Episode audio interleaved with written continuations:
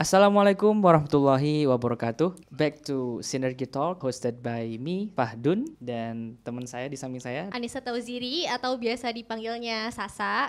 Dan kita punya narasumber nih. Siapakah uh, Anissa? Ini adalah Dr. Dani Ferdian, Magister Kesehatan Masyarakat. Beliau ini adalah salah satu dosen FK Unpad di Departemen Ilmu Kesehatan Masyarakat Public Health ya dok ya. Betul, betul. Kayak gitu dan juga beliau aktif di berbagai kegiatan sosial termasuk juga beliau ini adalah founder dari Volunteer Doctors. Iya, benar sekali ya. Dan Jadi- menjadi narasumber kita hari ini. Iya, betul sekali. Oke, seperti biasa Synergy Talk uh, membahas tentang apa aja sih yang lagi viral di masyarakat Indonesia ini. Masih tahu ya, uh, Sasa apa sih yang lagi viral ini? Ini sekarang kan orang-orang lagi ngomongin tentang coronavirus ya dok ya, Ya. yang COVID-19 ini Oke. gitu. Hmm. Nah terus kita pengen tahu nih sebenarnya kan kalau misalnya tentang eh, corona apa kayak gitu-gitu udah banyak banget yang ngebahas Iya benar gitu ya. udah bosan Tapi banget. secara kesehatan masyarakat gitu dok, Oke. kita tuh pengen tahu sebenarnya corona virus ini tuh dengan adanya virus ini tuh kita harus ngapain? Saya ngecek nih terakhir di World Matter tentang Ah. coronavirus. Sekarang eh, korbannya itu udah eh korban ya pokoknya pasiennya Ya. udah 157 ribu. Oke. Nah dan udah ditetapkan sama WHO sebagai global pandemic gitu Hmm. kan. Sebenarnya apa sih dok global pandemic? Mungkin belum banyak orang yang tahu gitu. Oke. Apa itu global pandemic? Ya, sederhananya sih kalau bicara global pandemic gitu, itu kan artinya sebuah penyakit yang penyebarannya itu tuh bisa sampai ke negara-negara lain. Penyakitnya menyebarnya cepat, menyerang orangnya banyak, lintas negara, sulit dikendalikan dan terjadi dalam waktu yang bersamaan. Ya contoh COVID-19 ini, dia terjadi kan tadi 150 Iya, ribu lebih ya 157, pasiennya ya. iya. Itu per tanggal berapa sekarang? 15 Maret ya? Ya jam sep- jam 18. Ya di jam 18 itu 150 ribu sekian. Ya. Artinya penderitanya sudah lebih dari ratusan ribu dan terjadi kalau dicek itu terjadi lebih dari 100 negara di dunia. Nah makanya itulah kenapa akhirnya kemudian WHO mengatakan si COVID-19 ini kejadiannya sebagai global pandemic. Iya benar juga. Padahal kita tahu ya dulu sebelum Hmm. ada yang viral tentang corona kita ngomongin tentang Ebola gitu-gitu. Hmm. Padahal Ebola aja nggak sampai pandemik ya, dia cuma endemik di Afrika, Afrika. waktu itu ya. Hmm. Dan ini untuk khusus COVID ini dia pandemik kayak gitu. Nah yang tadi dijelasin pandemik itu Ya. kayak gimana kayak gitu. Terus eh, untuk pertanyaan selanjutnya yaitu dampaknya apa sih Buat dari siapa? Oh buat kita buat, warga eh, Indonesia warga ya. Indonesia kayak Oke, gitu. di Indonesia sendiri kan COVID-19 sudah jadi bencana nasional ya. Jadi bencana nasional, sekarang yang megangnya juga udah BNPB ya, Badan Nasional Penanggulangan Bencana. Ini tuh percaya atau enggak, warga Indonesia tuh masih banyak yang santuy. Bener nggak? Iya sih. Ya. Setuju Jadi sih. ada atau enggaknya bencana nasional COVID-19 mungkin buat sebagian orang masih banyak yang ya santai aja gitu Iya. kan. Emang apa pengaruhnya buat kita? Iya, Seolah ancamannya tuh nggak nyata. Ya. Padahal sobat rumah sinergi sekalian dan teman-teman semua, ancaman COVID-19 di Indonesia itu begitu nyata dan ada di hadapan kita. Ya. Terutama kalau apa? Kalau kita abai, tadi bilang ya, eh, nggak waspada Iya. terhadap penyebaran virus ini di Indonesia.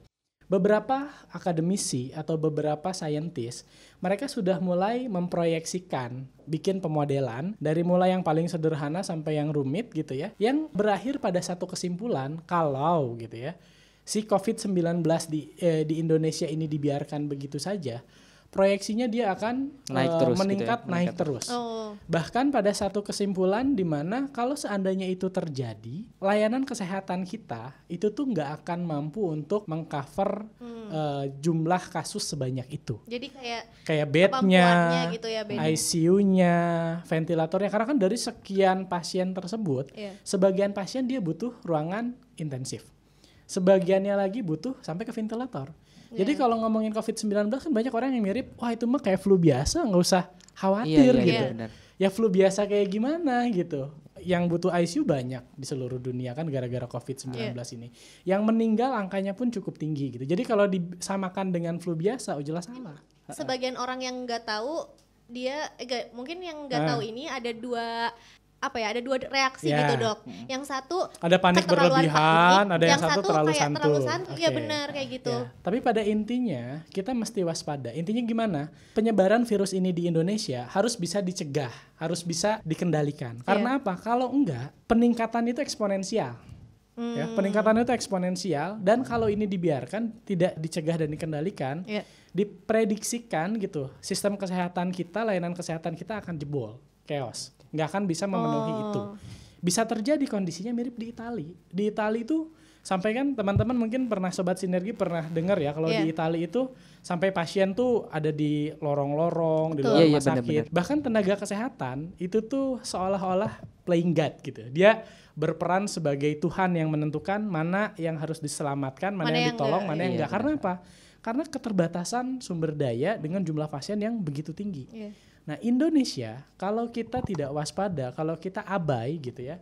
Kalau kita terlalu santuy terhadap isu ini, Betul. ke depan amit-amit ya Iya. diproyeksikan atau diprediksikan bisa seperti itu gitu. Nah, makanya lah gitu di kita sebagai ahli kesehatan masyarakat gitu banyak mendorong untuk dari sekarang masyarakat mulai aware dan mulai sungguh-sungguh melakukan pengendalian dan pencegahannya. Iya.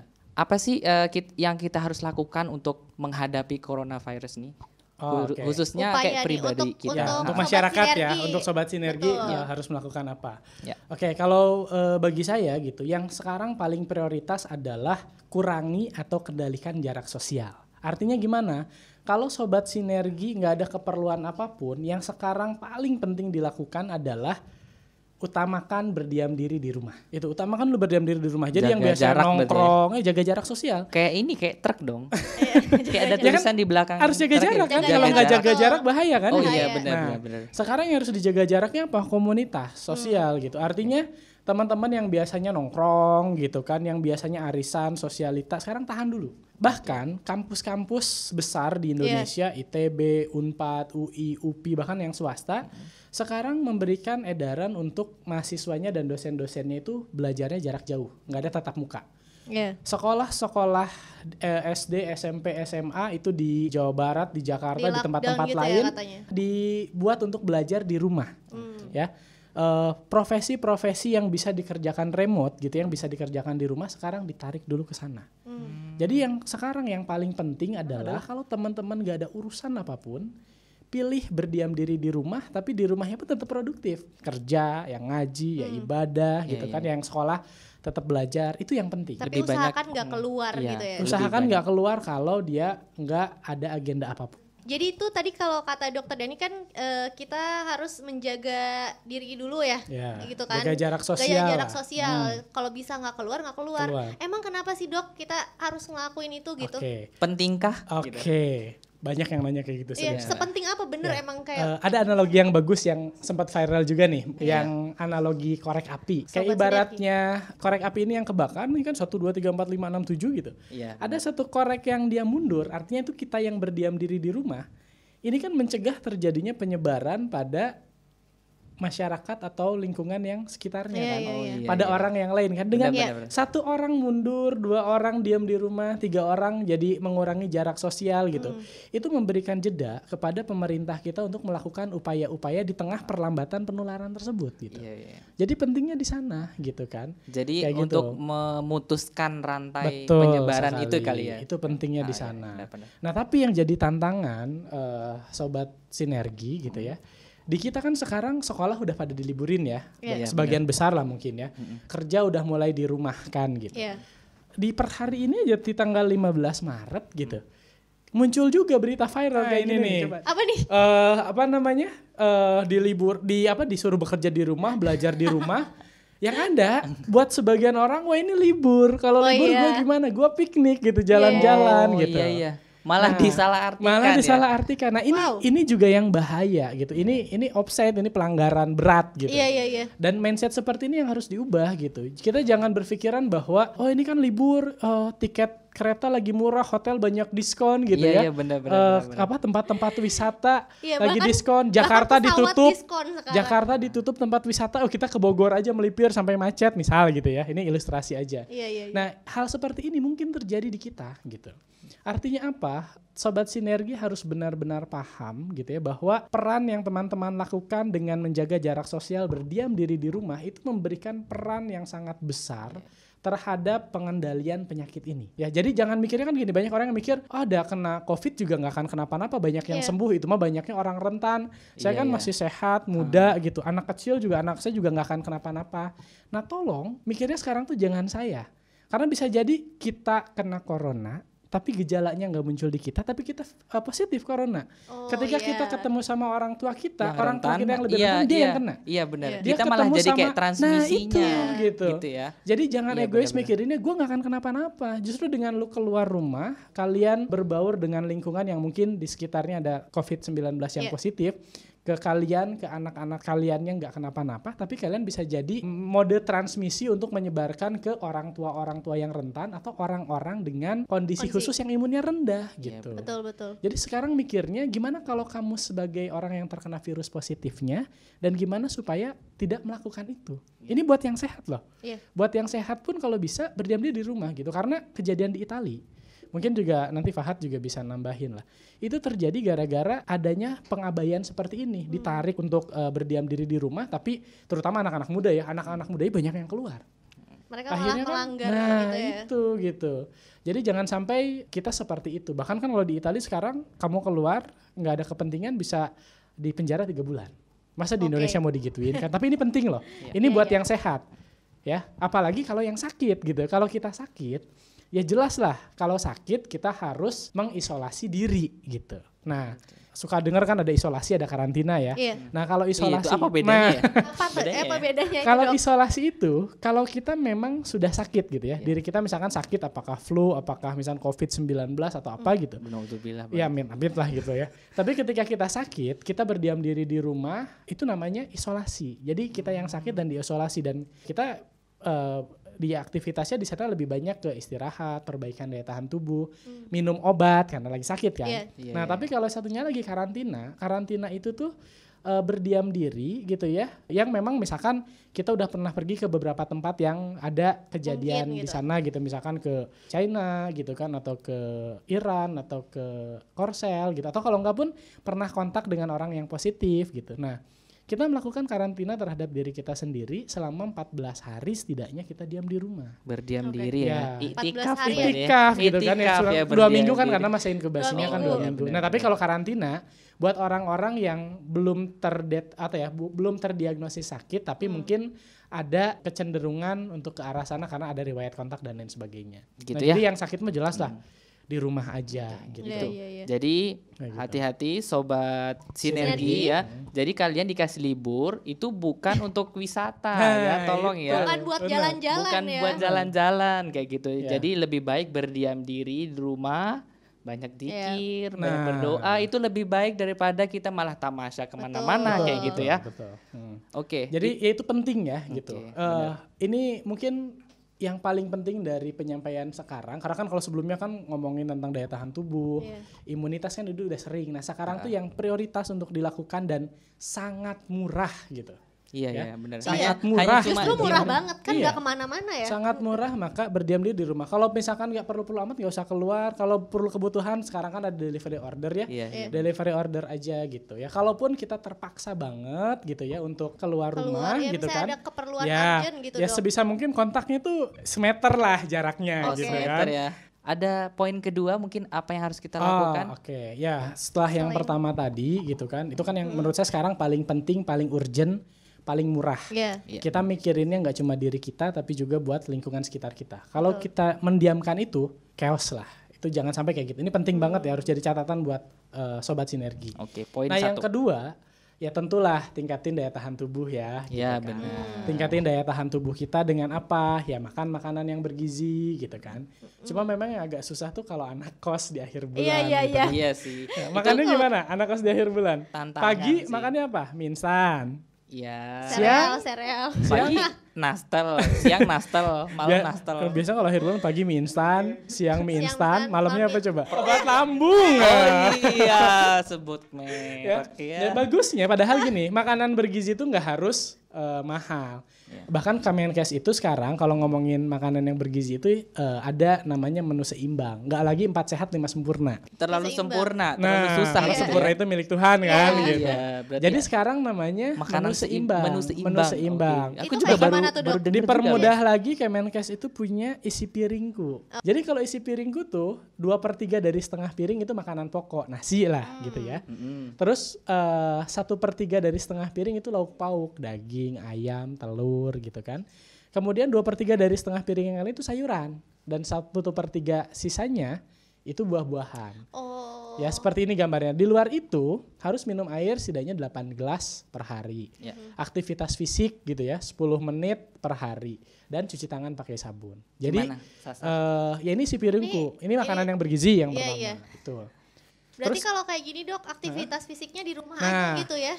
Kalau di rumah dia bisa melakukan aktivitas fisik lebih bagus yang punya sepeda statis gitu ya. Iya. Olahraganya Oh, di iya. situ atau kalau enggak senam sendiri di Iya, iya. rumah Atau kayak gitu bikin kan. workout workout Nah, sendiri ya gitu itu nggak ya, masalah nggak karena usah aktivitas ini ya, aktivitas usah- fisik harus. Iya, benar-benar. Ya harus tetap olahraga. Kalau sumpah harus ada kayak sepeda gitu, Ya, treadmill, susah gitu ya kan. susah ya anak Mm-mm. kosan ya. Atau kalau Tolong. yang Ya. crazy rich mungkin langsung beli sobat sinergi langsung beli alat-alat buat Ya, gitu. mungkin di ada di bawah memang, kalau mau eh, beli alat-alat. Memang lebih lebih sekarang pun kalau mau olahraga lebih disarankannya jangan yang kayak misalkan futsal, basket itu kan sama aja kan nggak jaga Iya, jarak iya, iya. sosial atau uh, fitness gitu kan yang satu ruangan banyak orang itu kalau Iya. bisa dikurangi dulu. Jadi kalau mau olahraga di rumah atau Kayak kalau nggak pun catur.